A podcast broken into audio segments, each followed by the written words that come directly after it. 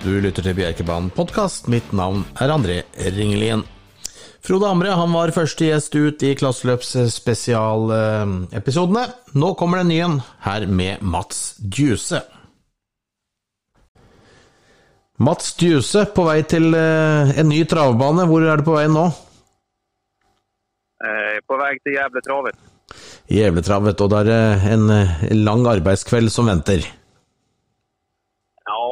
Kör några lopp där ikväll då. Så, så, men det är en kort resa dit i alla fall. Det är en- drygt en timme att åka dit, så det är lämpligt. Det blir mange timer i bilen totalt på en, på en uke. Ja, det blir det och speciellt, speciellt nu över sommaren har det ju varit, varit mycket trav eh, nästan varje dag. Då, så så eh, det är ju högsäsong nu kan man säga. Men det er vel det du elsker å leve for, er det ikke det? I år och det är ju klart, det är ju, det är ju mitt jobb det här då. Eh, och, och få jobba med, med sin hobby, det är ju det är inte alla som får göra det, så det är jag glad över. Ja. Du eh, 24 år, du har hatt en fantomkarriere. De tre siste årene har du vært eh, Har du vir virkelig eksplodert på kuskestatistikken i Sverige? Ja, precis. Det, eh, det började väl lite trevande kan man väl säga första åren när jag körde.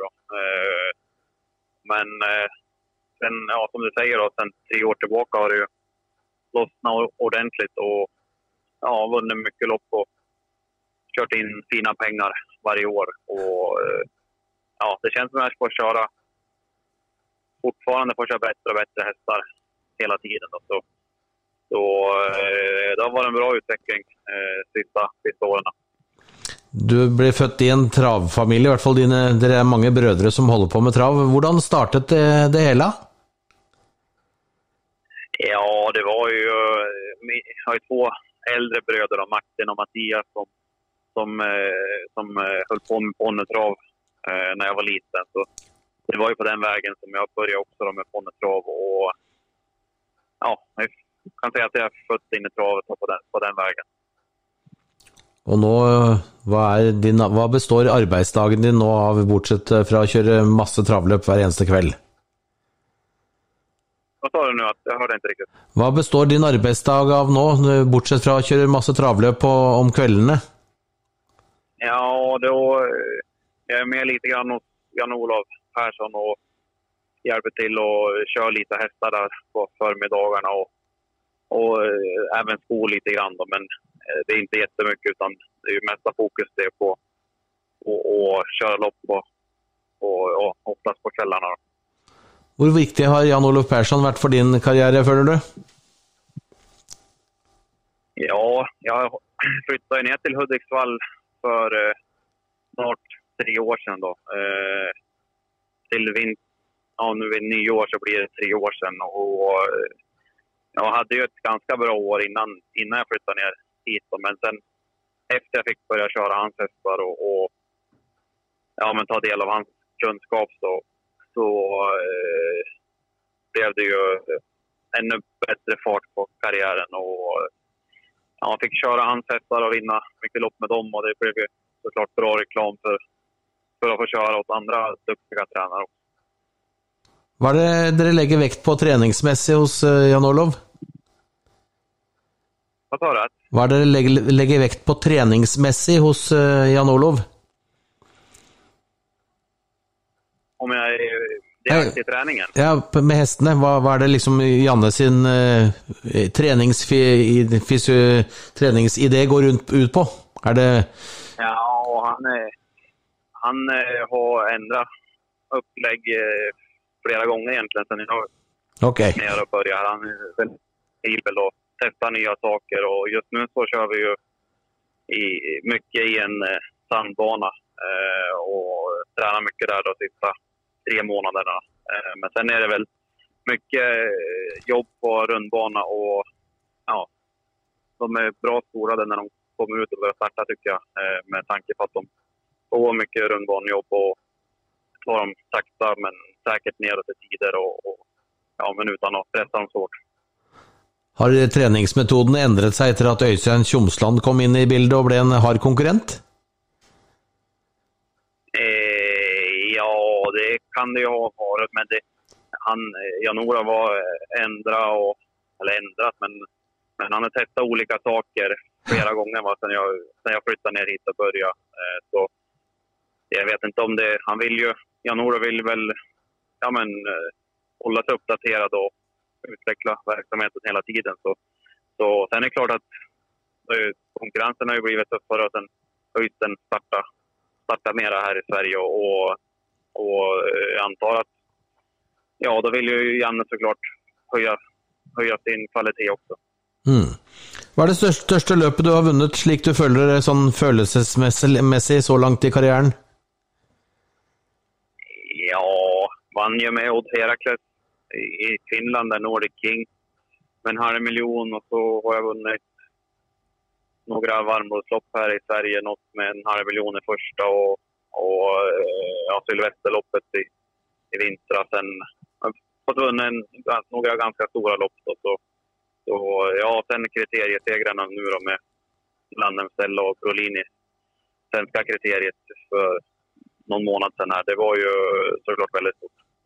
Hur var känslan när du satt upp bak Odd Herakles? Hur var han att sitta bak? Ja, han är ju... Kommer köra ett, ett fint varmblod kan man säga. Väldigt, väldigt fin teknik hästen. Härligt. Kan du, är det några sammanligningar du kan dra till för exempel Landemstella Brolin som vi snart ska få se i klasslöpsfinalerna? Ja, fina hästar som, eh, som, har, som har gjort det bra och börjat karriären på bra Landemstella, hvordan är det hon utpekar sig? Vad är det som gör att hon är så god? Ja, hon har ju flera bra egenskaper tycker jag. Men, men eh, tekniken har jo har hon ju haft eh, sen väldigt tidigt när hon började och, och träna igång. Så, så såg hon väldigt fin ut och rörde sig på ett bra vis. Och, ja, hon gick ju kvallopp eh, i fjol som tvååring på en bra tid och, och har ju varit tidig i sin utveckling hela tiden kan man säga. Så så hon har väldigt fin teknik, så det är väl det som utmärker henne allra mest. Hon fick ett väldigt fint löp, ett rygglöp för första gången i kvalificeringen. Nu, nu fick du också sport 2 i finalen. Hur ser du på, på förutsättningarna? Ja, men jag tyckte det var bra hon fick få gå bak, att hon fick gå bakifrån en gång då, i försöket. Och, ja, hon hade ett bakspår den gången. Då. Nu har vi ett, ett framspår och hon har kunnat öppna bra bakom bilen tidigare. Så så eh, ja, vi får ju se då vad som hänt från start. Det var ju flera hästar som kvalade in som var snabbast från början. Eh, så får vi se då hur, hur hon kan öppna gentemot dem den här gången när det blir final. Då. Virker hon väldigt travsäker? Ja, hon har ju aldrig galopperat i lopp så här långt. Så, så eh, det får man väl, får man väl ändå säga, tycker jag. Frykt, frykter du något som helst eh, föran finalen? Vad sa du? Fry, frykter du något? Eh, du, ser du någon svaghetstecken föran finalen eller är det bara positivt?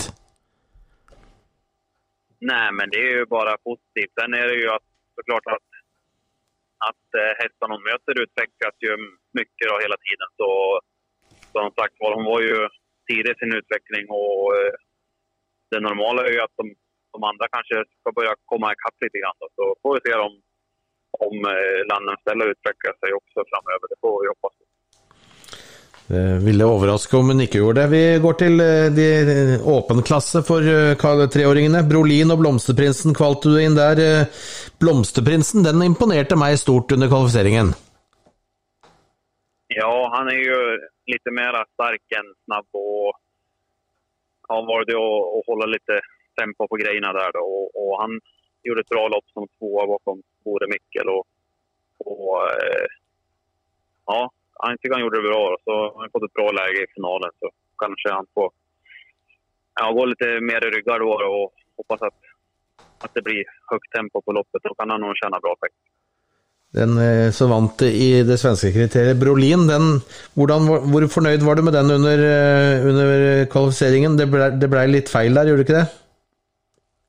Ja, det är klart att det satt ju en bit bak och gick ganska sakta första, första varvet och eh, desto fortare och sista varvet. Och, eh, ja, första tredje spår och tredje spår runt sista sväng och sådär. Så han var väl kanske inte som allra bäst heller, men han, var väl, han gjorde väl ett helt okej lopp. Då. Men det ser ju det ser väldigt bättre ut med spåret nu till finalen och, och han har ju varit ja, väldigt startsnabb i sina tidigare starter. Då. Så förhoppningsvis så kan han ju få en, en mycket bättre position nu i, i finalen.